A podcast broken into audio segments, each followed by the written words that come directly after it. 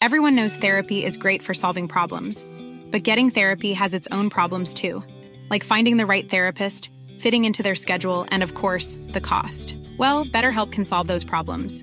It's totally online and built around your schedule. It's surprisingly affordable too. Connect with a credentialed therapist by phone, video, or online chat, all from the comfort of your home. Visit betterhelp.com to learn more and save 10% on your first month. That's BetterHelp H E L P. Hiring for your small business? If you're not looking for professionals on LinkedIn, you're looking in the wrong place. That's like looking for your car keys in a fish tank. LinkedIn helps you hire professionals you can't find anywhere else, even those who aren't actively searching for a new job but might be open to the perfect role. In a given month, over 70% of LinkedIn users don't even visit other leading job sites. So start looking in the right place. With LinkedIn, you can hire professionals like a professional. Post your free job on linkedin.com slash people today.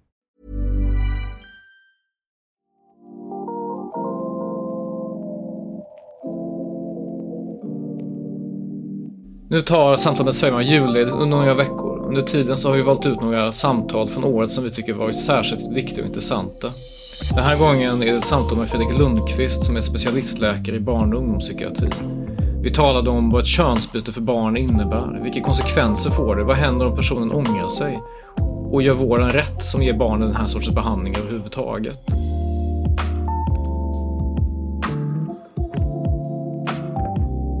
Vad, vad, tror du den här ökningen som på, på vissa håll i landet, alltså det har gått från ett par om året innan 2010-talet eh, så, som så att säga söker vård för, eller som blir diagnostiserade med könsdysfori till en ökning som är rätt, rätt otrolig. Vissa menar att det beror på att stigmat kring eh, könskorrigeringar eller könsbyte, oavsett hur man vill kalla det, att det försvann Eh, vad, vad, tror du, du ökningen beror på? Mm.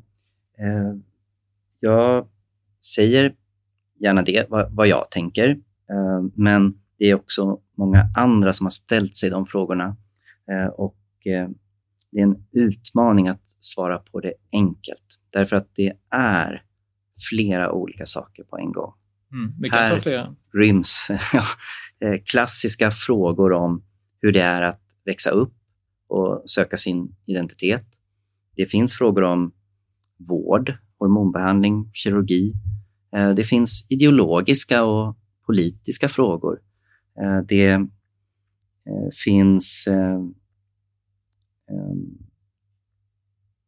många klassiska mänskliga frågor som handlar om till exempel sexualitet, reproduktion och också om en grundläggande förståelse av vad det är att vara människa. Så att den här vården och de här frågorna väcker många eh, starka eh, teman som nog alltid har funnits där i, i människors liv. Och jag tror att man behöver se just att det ryms eh, många olika frågor samtidigt.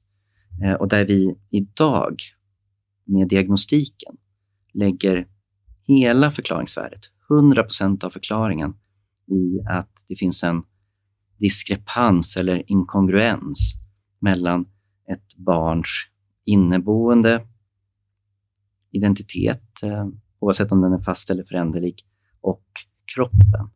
Eh, och det tänker jag är ett mycket, mycket stort problem.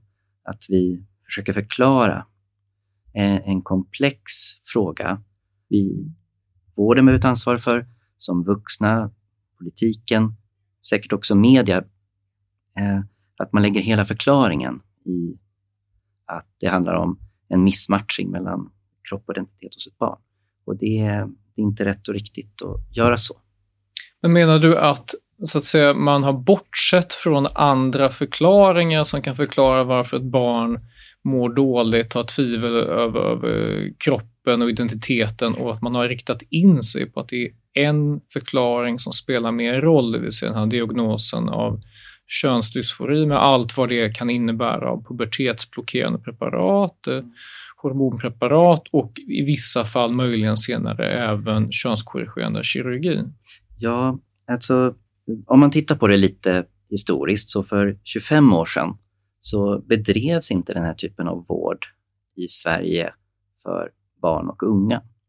det kan ha funnits enstaka just under 18 år som har eh, sökt sådan vård eller som har varit... Eh, eh, det, det, alltså jag törs inte säga säkert, men det var inte organiserat.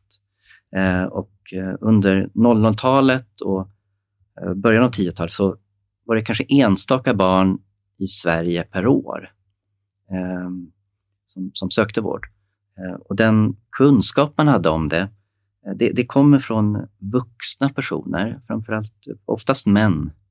Och eh, själva termen eh, könsidentitet är definierat av ja, personer som mötte framförallt eh, män som sökte hjälp.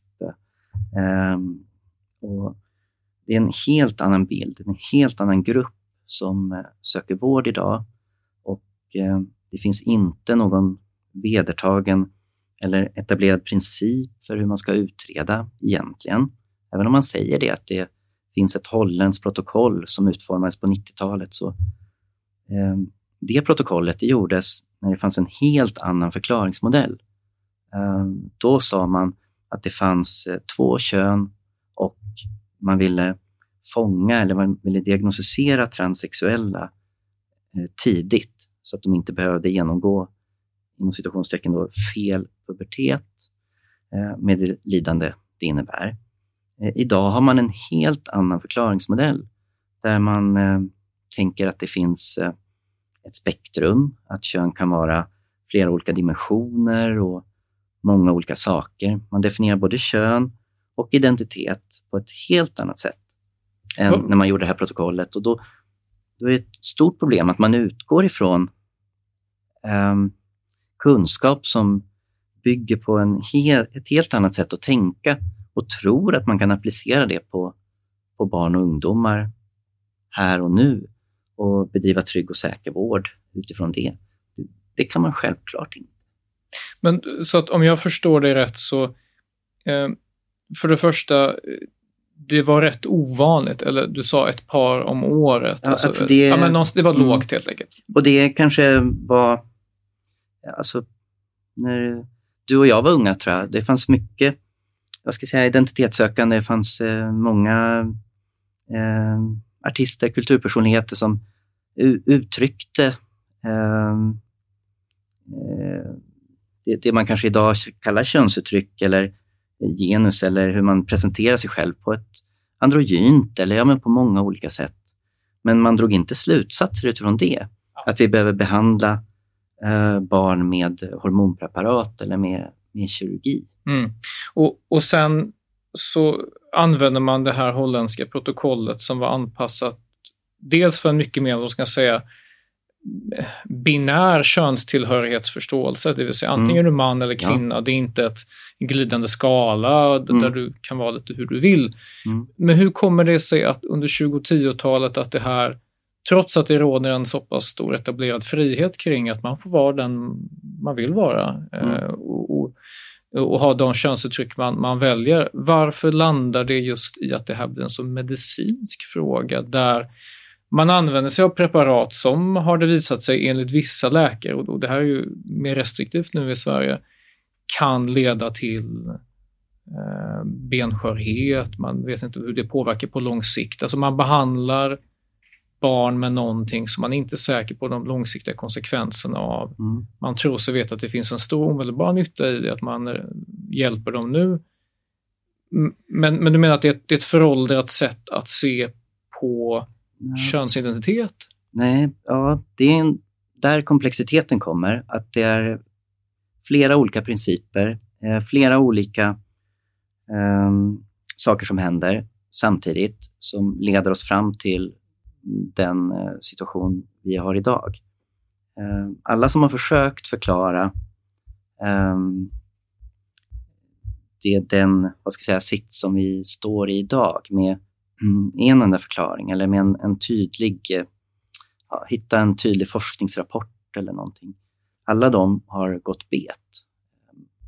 Jag tänker att man måste se att det är samtidigt en fråga kring lidande eh, och eh, en känsla av utanförskap eh, och eh, önskan om tillhörighet, eh, behov av bekräftelse hos sårbara barn och unga. det är det samtidigt som det också finns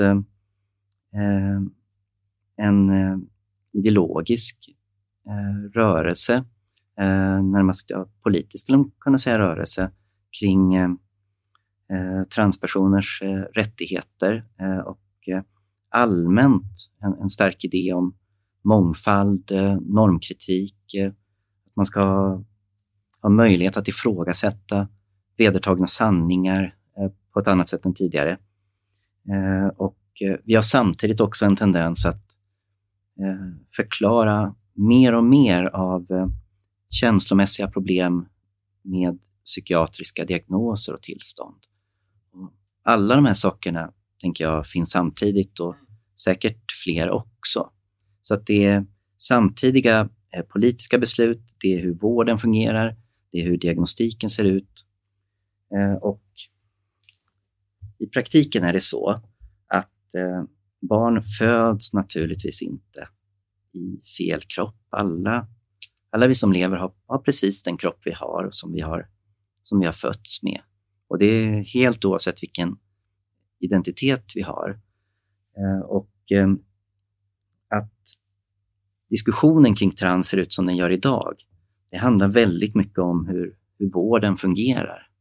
Och att eh, vi diagnostiserar identitetsfrågor hos barn som ett särskilt eh, tillstånd och eh, som eh, en åkomma eller sjukdom som kan behandlas med kirurgi och hormoner.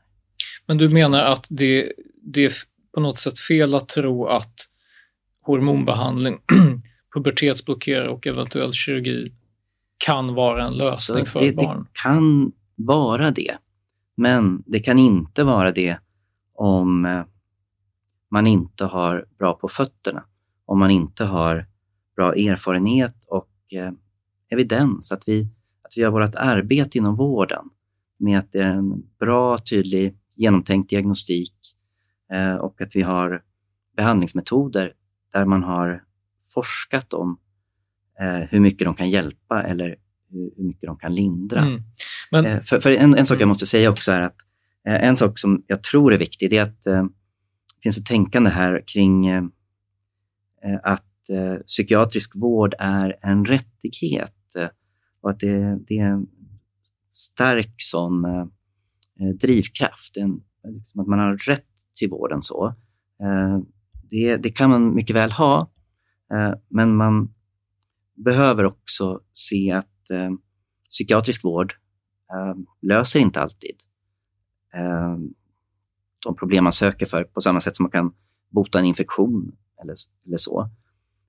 och Oftast kan man kanske lindra symptom något eller man kan anpassa efter de, de svårigheter barn och ungdomar har.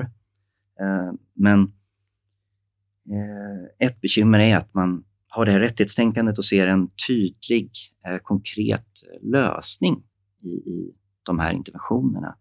Och det tror jag är ett väldigt, väldigt farligt sätt att tänka när man står inför en komplex fråga och där att det säger ju transvården också, att vi förstår inte varför vi ser den här ökningen. Vi förstår inte varför det är framförallt flickor som söker vård eh, och inte pojkar som, som tidigare.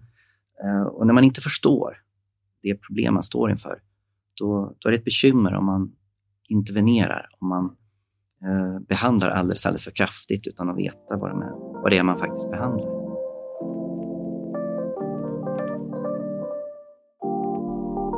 Det här var ett avsnitt av Samtalet Svejman. Nu tar vi julledigt men är tillbaka igen med nya avsnitt den 16 januari 2024. Gott nytt år!